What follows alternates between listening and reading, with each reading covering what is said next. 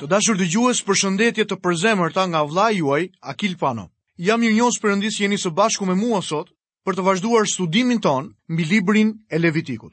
Dua t'ju kujtoj që herën e kaluar kemi mësuar mbi ritualin për holokaustin, arsyet e ndryshme për holokaustin që fjala e Perëndisë na jep dhe kemi hyrë në çështjen e ligjit të Holokaustit. Sot neve do të studiojmë kapitullin e tretë të librit të Levitikut. Ofrimet e ndryshme flasin për personin dhe punën e Krishtit. Holokausti ishte një tablo e Krishtit në vdekjen e tij. Blatimi ushqimor zbulon anën njerëzore të Jezusit në të gjithë përsosmërinë dhe dashurinë e tij. Ndërsa e lexoni, do të kuptoni se është një recetë për bukën. Dhe pikërisht ashtu është. Është me të vërtetë një blatim ushqimor. Përkthimi i sotshëm e quan atë ofrim mishi. Ky përkthim na jep një ide të gabuar sepse mishi nuk kishte të bënte aspak me këtë çështje. Nuk derdhet gjak. Kështu ky ofrim ishte ndryshe nga ofrimet e tjera. Megjithatë, në përgjithësi, Ofrohej me ndonjë ofrim ku kishte derdhje gjaku. Ky blatim ushqimor mund të ofrohej i pjekur ose i papjekur. Aroni dhe bijtë e tij merrnin një pjesë të këtij ofrimi për vete dhe të gjithë anëtarët meshkuj të familjes ishin të detyruar që ta hanin.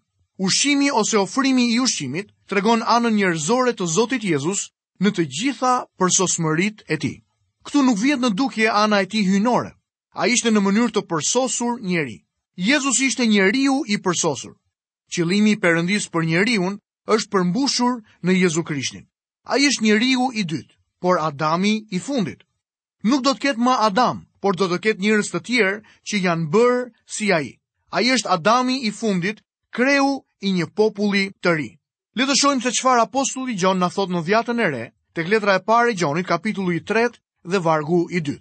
Shumë të dashur, tani jemi bij të Perëndisë, por ende nuk është shfaqur çfarë do të jemi, por dimë se kur të shfaqet ai, do të jemi të ngjashëm me të, sepse do ta shohim se si është ai. Miqtë e mi, Njeriu në këtë trajtë që është sot në botë është dështimi më i madh në universin e Perëndisë. A jeni ndalur ndonjëherë për ta menduar këtë çështje? Shkrimet flasin qartë dhe në mënyrë të veçantë për këtë. Shikojmë tek letra drejtuar Romakëve, kapitulli 3, vargjet 12 dhe një pjesë e vargut 23. Të gjithë kanë dalë nga rruga e tij, që të gjithë janë bërë të padobishëm dhe të gjithë mëkatuan dhe u privuan nga lavdia e Perëndisë. Perëndia miqtë e mi nuk mund të na shpëtojë, duke u nisur nga fakti se ne ecim sipas ligjit të tij, për shkak të arsyes së thjeshtë se Perëndia i sheh të metat tona. Ne nuk mund ta përmbushim apo zbatojmë ligjin e dhënë nga Perëndia. Ne nuk mund t'i tregojmë atij përsosmërinë tonë. Perëndia nuk mund të na shpëtojë në të metat tona, sepse ai është një Perëndi i shenjtë dhe kërkon drejtësi dhe përsosmëri të padiskutueshme. Të mos jemi të përsosur është gjëja më e mirë që mund të bëjmë. Prandaj njerëzimi është një dështim i gjallë. Rruga e paqes, të cilën ata nuk e dinin, konfirmohet në shkrimet e çdo gazete. Përse? Sepse lufta dhe dhuna janë në zemër të njeriut. Të vjen për të qeshur kur dëgjon për demonstratat dhe për paqen, që përfundojnë në grindje. Me një energji të ethshme, njeriu po përpiqet për të përsosur instrumentet mizore të shkatërrimit të frikshëm. Sigurisht që ky nuk na qenka qëllimi i njeriut. Perëndia ka një tjetër qëllim për njeriun dhe nëse kërkoni të kuptoni se çfarë ka Perëndia në mendjen e tij, hidhni sytë tuaj dhe vështroni nga Jezusi. Ai është dashuria e Perëndisë. I vetmi njeri që e kënaqi Perëndinë. në qenien e tij si njeri, kishte lavdinë e Perëndisë. Dashuria e Krishtit ishte me të vërtetë një parfum erëmirë. Ardhja e tij ishte doksologji. Qëndrimi dhe nisja e tij në qiell ishte një bekim i paparë. Tërheqja e tij e ka mbushur botën me një shpresë dhe ide të re në lidhje me njeriun. Ka dy aspekte të rëndësishme në këtë ofrim. përbërësit që përfshihen dhe që nuk përfshihen. Le të shohim ofrimet e përziera por të papjekura. Do të lexojmë në kapitullin e dytë të librit të Levitikut, nga vargu i parë. Kur dikush i sjell si fli Zotit një blatim, oferta e tij të jetë nga maja e miellit. Le të derdhë vaj mbi të dhe t'i vërë temjan përsipër. Ofrimi duhet të bëhej me miell të imët dhe miell i imët në atë kohë ishte disi i pazakontë. Ata nuk kishin mullinj siç kemi ne sot. Në të vërtetë, ata e bluanin grurin me dorë në një tip ene prej guri. Ata përdornin një shtypës me të cilin e shtypnin grurin. Shpesh ishte i trashë dhe i ashpër nëse ai që e bluante nxitonte, ose tregohej i pakujdesshëm. Nëse mielli duhet të ishte shumë i imët, do të thoshte se ata duhet të harxhonin shumë kohë me të. Ky ofrim duhet të bëhej me miell të imët, që do të thotë se duhet të shtypej mirë. Kjo gjë na sjell përpara syve Zotin Jezus në personalitetin e tij. Sot jam i sigurt se do të përdornim shprehjen se ai kishte një personalitet shumë të integruar. Vetë ai ishte një person normal. Në të vërtetë mendoj se ai ishte personi i vetëm normal që ka jetuar ndonjëherë në tokë. Mëkati e ka bërë të gjithë rracën njerëzore jonormale, të trazuar dhe të konfizuar, konfuze. Një pjesë e personalitetit tonë është tejzhvilluar në kurriz të disa zonave të tjera të personalitetit tonë. Në kolegj kam studiuar psikologjinë anormale. Në vitin e fundit shkova të takoja profesorin e departamentit dhe i thashë se kisha nevojë të flisja me të. I thashë se kur shohim etiologjinë e sëmundjes të çdo forme të anomalisë që kishim studiuar, zbulova se kisha simptoma të të gjitha këtyre formave të anomalisë. Dhe ky profesor shpërtheu në të qeshura dhe më tha: "Po pyesja veten se kur do të vije." E gjithë klasa ka ardhur, të gjithë i kanë, dhe unë gjithashtu. E shihni, të gjithë i kemi. Kohët e fundit një psikolog i njohur bëri pohimin se i gjithë njerëzimi sot ka kaluar pak. Jezusi ishte i vetmi person normal që ka jetuar ndonjëherë në planetin tonë. Vëreni sa të paqëndrueshëm ishin karakteret e njerëzve në Bibël. Nëse shohim Samsonin, atij i ishte dhënë aftësia të kryente akte të mëdha fizike, por duket se ai ishte i dobët si në mendje, ashtu edhe në vullnetin e tij. Në të vërtetë ai ishte si një djalë mamaje. Pali, apostull, ishte gjigant për nga mendja, por na zbulohet shumë i dobët në trupin e tij fizik. Simon Pjetri prekej nga emocionet, madje deklaronte se do të vdiste për Jezusin. E megjithatë, ishte ai që e mohoi atë, gjë që zbulon një dobësi të madhe në fushën e vullnetit. Mbreti Saul ishte kokëfortë dhe i paaftë të përulej dhe t'i bindej Perëndisë. Kjo gjë bëri që ai të humbiste fronin dhe të vdiste. Të gjithë personazhet biblike ishin njerëz të trazuar. Me gjuhën e psikologjisë moderne, ata kishin personalitete të tejzhvilluara ose të nënzhvilluara. Në kontrast me ta dhe me ne të gjithë, Jezusi ishte i matur. Ai kishte qëndrimin të njëjtë në të gjitha fushat e personalitetit të tij. Ai mund të nxirrte këmbyesit e parave nga tempulli dhe mund të mbante në krah fëmijët e vegjël. Kur ishte 12 vjeç, sunduesit fetarë u mrekulluan me diturinë e tij. Kur filloi të jepte mësim, njerëzit e mahnitur thoshnin, si i ditka ky shkronjat pa studiuar fare. Megjithatë Zoti Jezus asnjëherë nuk u mbështet në intelektin e tij si bazë për ndonjë gjykim. E keni vënë re se kjo gjë nuk ishte asnjëherë kriter për sjelljen e tij. Ai erdhi të bënte vullnetin e Atit dhe ky ishte motivi për veprimet e tij. Jezusi mund të qante në varrin e Lazarit ose për qytetin moskokçarës të Jeruzalemit. Në të njëjtën kohë, ai do ta ngrinte Lazarin nga të vdekurit dhe do të shqiptonte një gjykim të ashpër mbi Jeruzalemin i cili në të vërtetë u përmbush. Ai nuk lëkundej dhe nuk drejtohej nga emocionet e tij. Asnjëherë nuk veproi sipas vullnetit të tij, e megjithatë, asgjë nuk e pengonte të mos shkonte në Jeruzalem për të vdekur. Në çdo kohë ai thoshte, jo si dua unë, por si do ti, sepse unë erdha nga qielli, jo për të bërë vullnetin tim, por vullnetin e atij që më dërgoi. Ai ishte i qëndrueshëm, të gjithë ne jemi të trazuar, por Jezusi jo. Ai do të derdhë vaj mbi të. Vaji i ullirit flet për frymën e shenjtë. Do të vëreni se këtu është vaj mbi të. Në vargjet 4 dhe 5 është fjala përzihet me vaj. Ndërsa në vargun e 6 ne shohim derdh vaj mbi të. Në vargun e 7 ky togfjalësh është vendosur vetëm me vaj. Ofrimi ishte i mbytur në vaj. Vaji ishte pjesë e rëndësishme e ofrimit dhe përdorej në shumë mënyra të ndryshme. Dominimi i frymës së shenjtë vihet shumë mirë re në jetën njerëzore të Zotit Jezu Krisht. Ai lindi nga fryma, i përzier me vaj. Ai u pagëzua nga fryma, dhe këtu ne shohim vajin mbi të. Jezusi u udhëhoq nga fryma, dhe këtu ne shohim termin derdh vaj mbi. Ai dha mësim, kreu mrekulli dhe ofroi veten në fuqinë e frymës së shenjtë me vaj. Nëse Zoti Jezus, në anën e tij të përsosur njerëzore, kishte nevojë për frymën e shenjtë, pa diskutim që ti dhe unë kemi nevojë për frymën e shenjtë akoma dhe më shumë.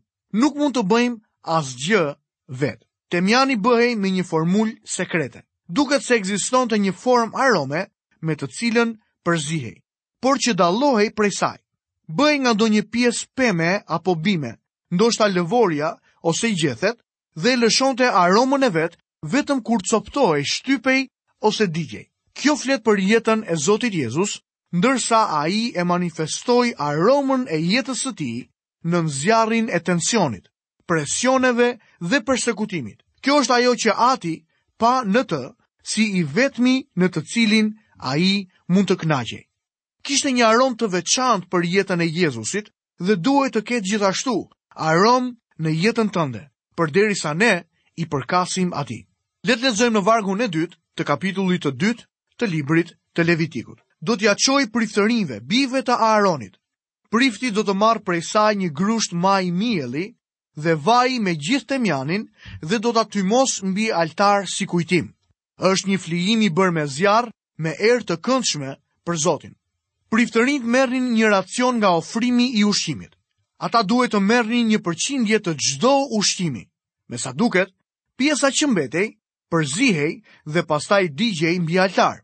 Lexojmë vargun e tretë. Ajo që mbetet nga blatimi do të jetë për Aaronin dhe bijtë e tij. Është një gjë shumë e shenjtë e bërë me zjarr për Zotin.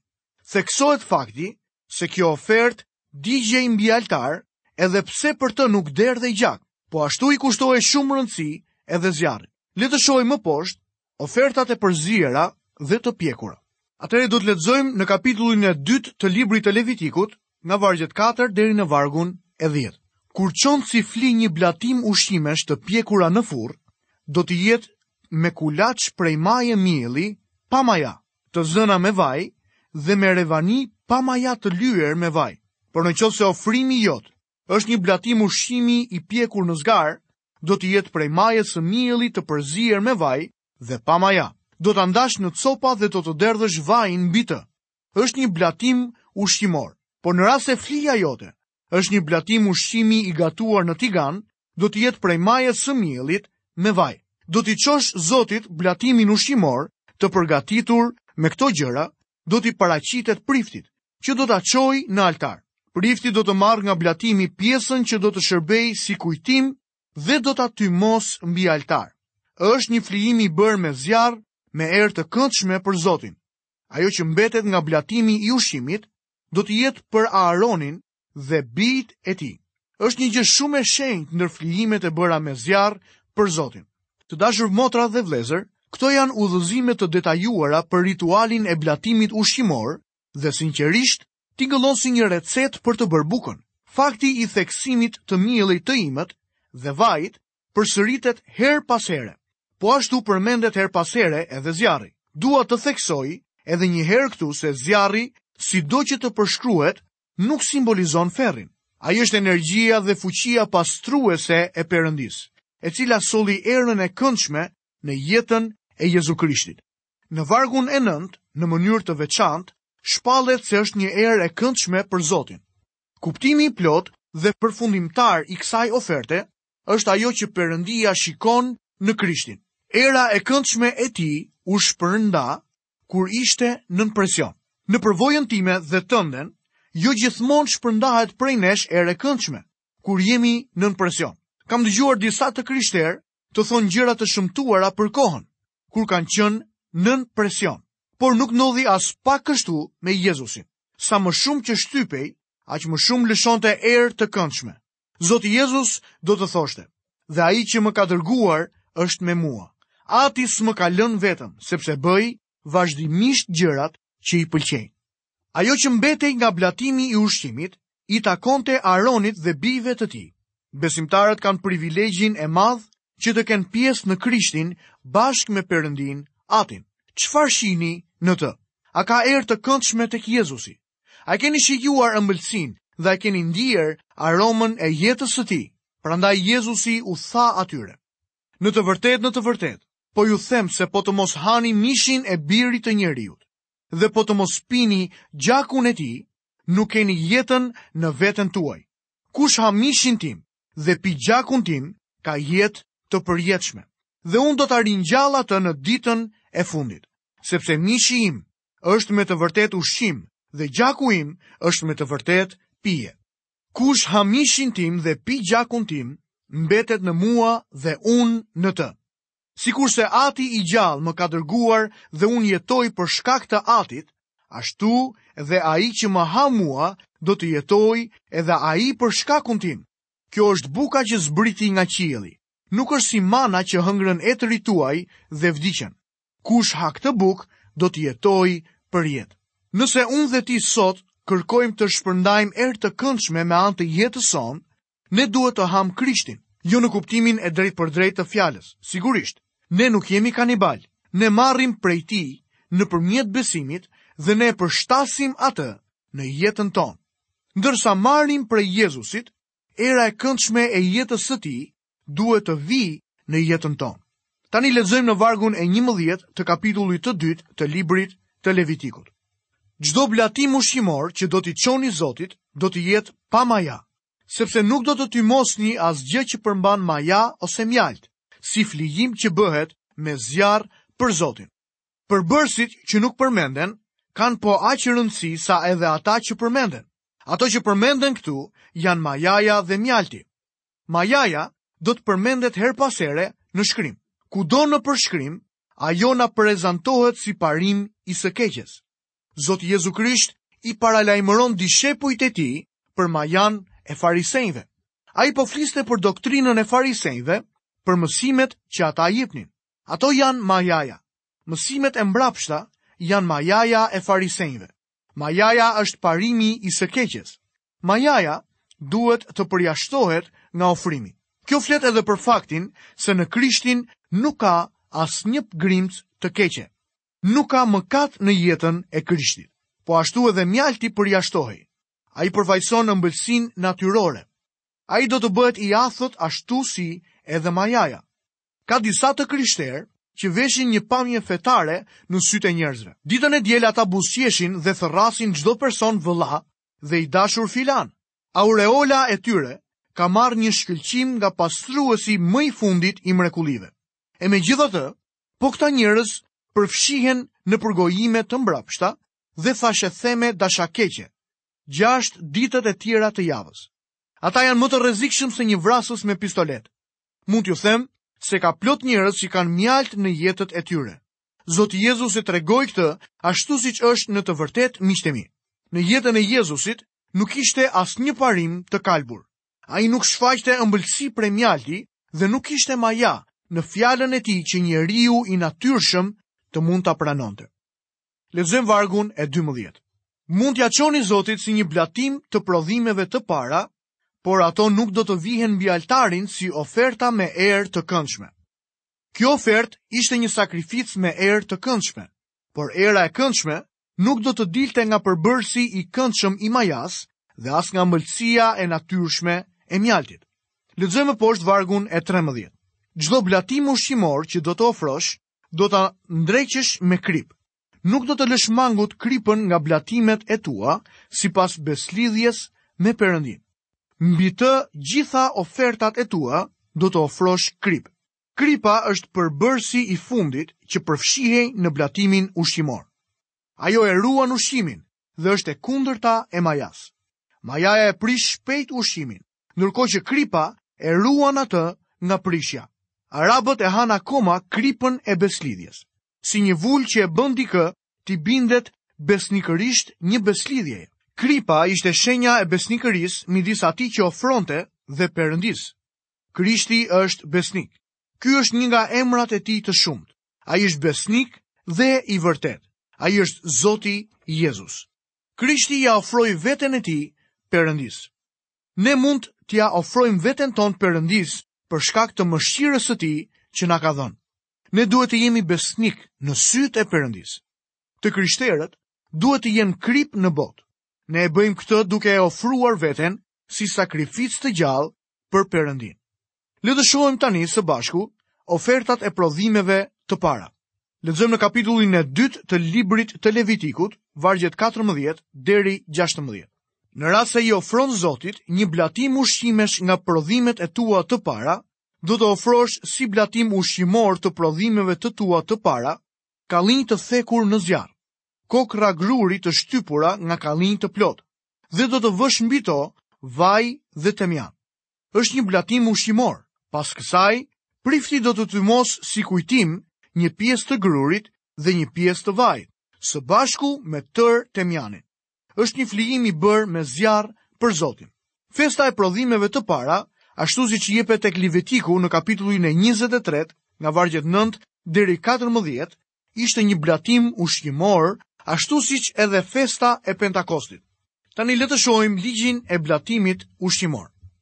Ligji i blatimit ushqimor jepet tek libri i Levitikut në kapitullin e 6, nga vargjet 14 deri 23. Këtu zbulohet se me çdo holokaust në mëngjes dhe në mbrëmje, Bëhej gjithashtu një blatim ushqimor. Blatimi ushqimor përfaqëson Krishtin në shenjtërimin e tij. Në të njëjtën kohë, ai përfaqëson edhe shenjtërimin e besimtarëve në Krishtin. Blatimi ushqimor përshkruan anën e përsosur njerëzore të Krishtit. Të dashur dëgjues, këtu kemi mbërritur dhe në fundin e programit të sotëm. Ju kujtoj që kemi folur për ofertat e ndryshme që i paraqiten Perëndisë. Në emisionin e ardhshëm do të përqendrohemi kryesisht tek flijimi i falënderimit. Deri atëherë, nga unë vëllai juaj Akil Pano, bashkë mirudëgjofshim dhe paçi bekimet e Perëndisë në jetën tuaj.